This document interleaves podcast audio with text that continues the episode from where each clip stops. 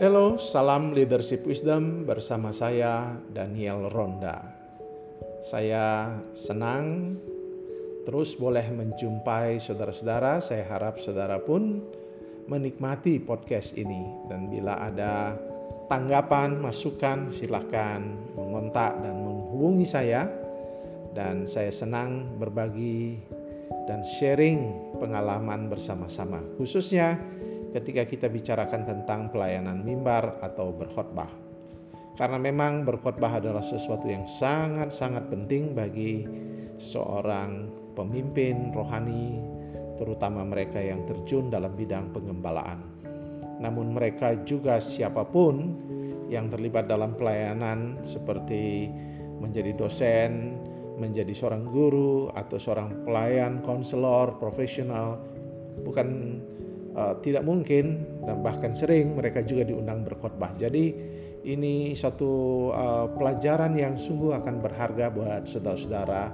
Jika saudara menikmati podcast ini, tentu kami uh, sangat senang bisa menolong dalam meningkatkan uh, kemampuan dalam pelayanan mimbar saudara-saudara. Nah, hari ini secara khusus kita tiba di mulai membahas hal-hal yang teknis sehubungan dengan khotbah. Bila di uh, bagian-bagian uh, awal dalam uh, podcast ini lebih kepada bagaimana saudara memahami khotbah dan uh, bentuk-bentuknya dan uh, filosofinya, maka sekarang saya mau mengajak saudara masuk kepada hal-hal yang berhubungan dengan teknis. Maka topik kali ini saya akan membahas tentang khotbah ekspositori atau eksposisi. Nah, kita tahu bahwa bagi yang belajar homiletika dan bagi yang belajar ilmu berkhotbah, kita tahu ada berapa bentuk-bentuk khotbah.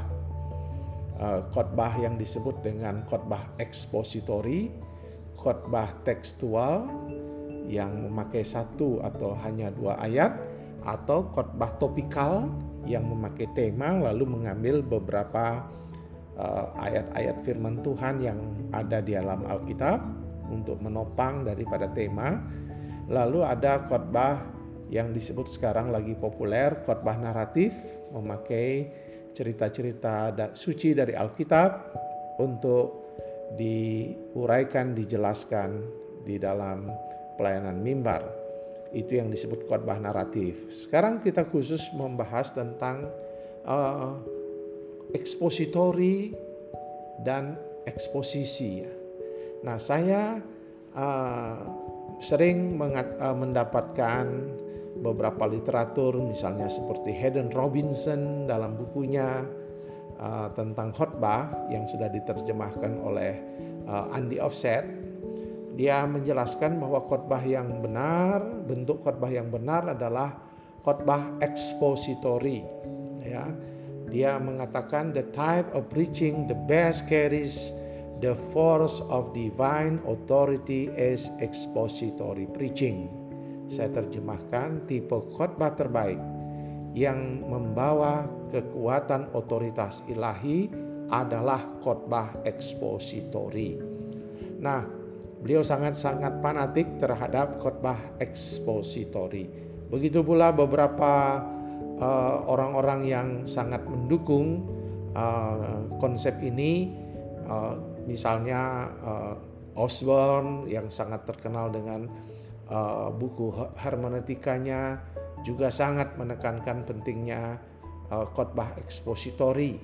Kemudian beberapa tokoh yang di Amerika buku-bukunya sangat terkenal seperti uh, George Wood juga menekankan hal yang sama atau Bauman buku-bukunya sangat terkenal yang saya miliki mereka sangat menekankan kata bentuk khotbah yang benar dan terbaik adalah ekspositori. Tetapi benarkah demikian? Nah, saya setuju dengan prinsip daripada Bapak Hayden Robinson dan teman-temannya bahwa uh, khotbah itu haruslah ekspositori karena kata ekspositori itu dari kata expose, exponere. Artinya menafsirkan, membuat menjadi jelas atau menerangkan. Jadi ketika kita membaca teks haruslah kita buat teks yang kita baca dari firman Tuhan itu menjadi jelas, diterangkan sehingga jemaat mengerti. Lalu jemaat mengaplikasikannya dalam kehidupannya. Dari definisi saya setuju ekspositori, tetapi apakah harus berbentuk ekspositori?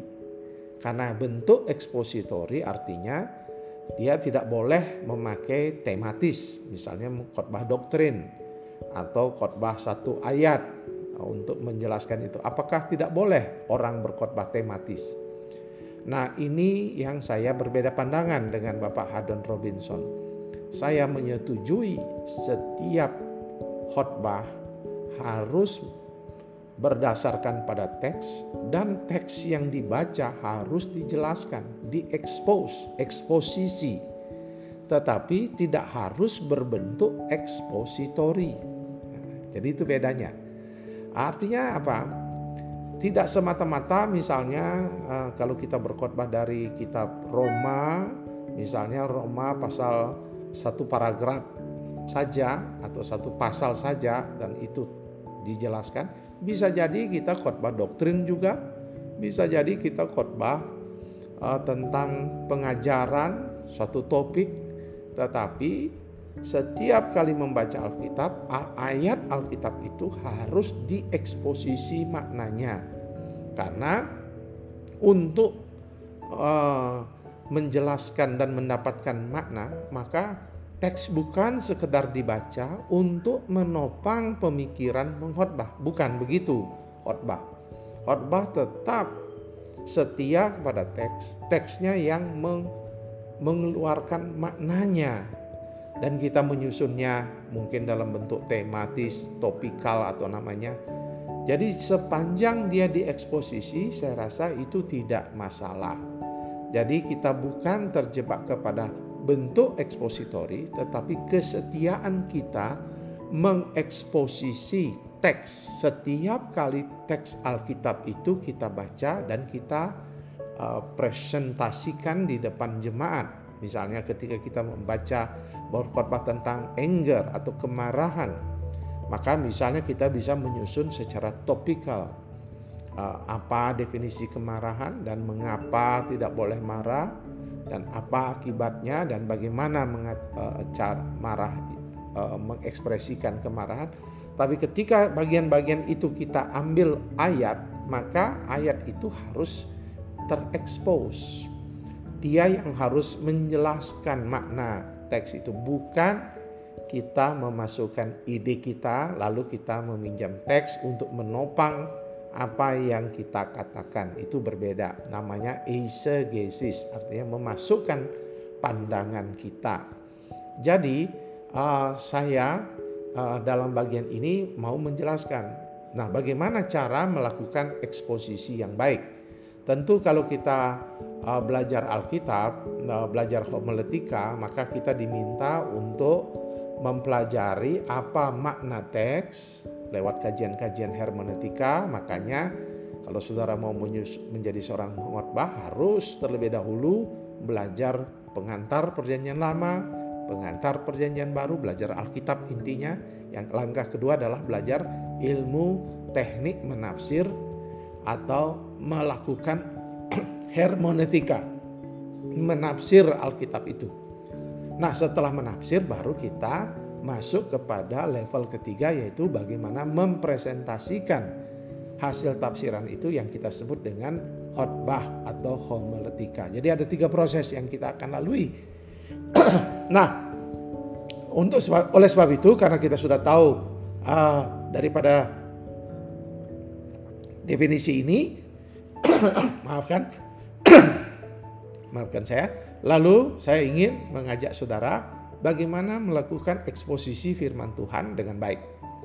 Yang pertama, cara kita melakukan eksposisi firman Tuhan yang baik adalah bahwa kita harus tetap setia kepada teks itu sendiri, ya. Jadi kita harus setia kepada teksnya. Ya, Yang dimaksudkan itu adalah misalnya kita me mengikuti memiliki mengikuti kaidah eksposisi yang memiliki integritas di mana teks diuraikan lewat kajian latar belakang historis, sejarah, gramatika dan literatur dan latar belakang-latar belakang budaya di sekitar perjanjian lama dan baru. Jadi teks itu digumuli. Itu maksudnya.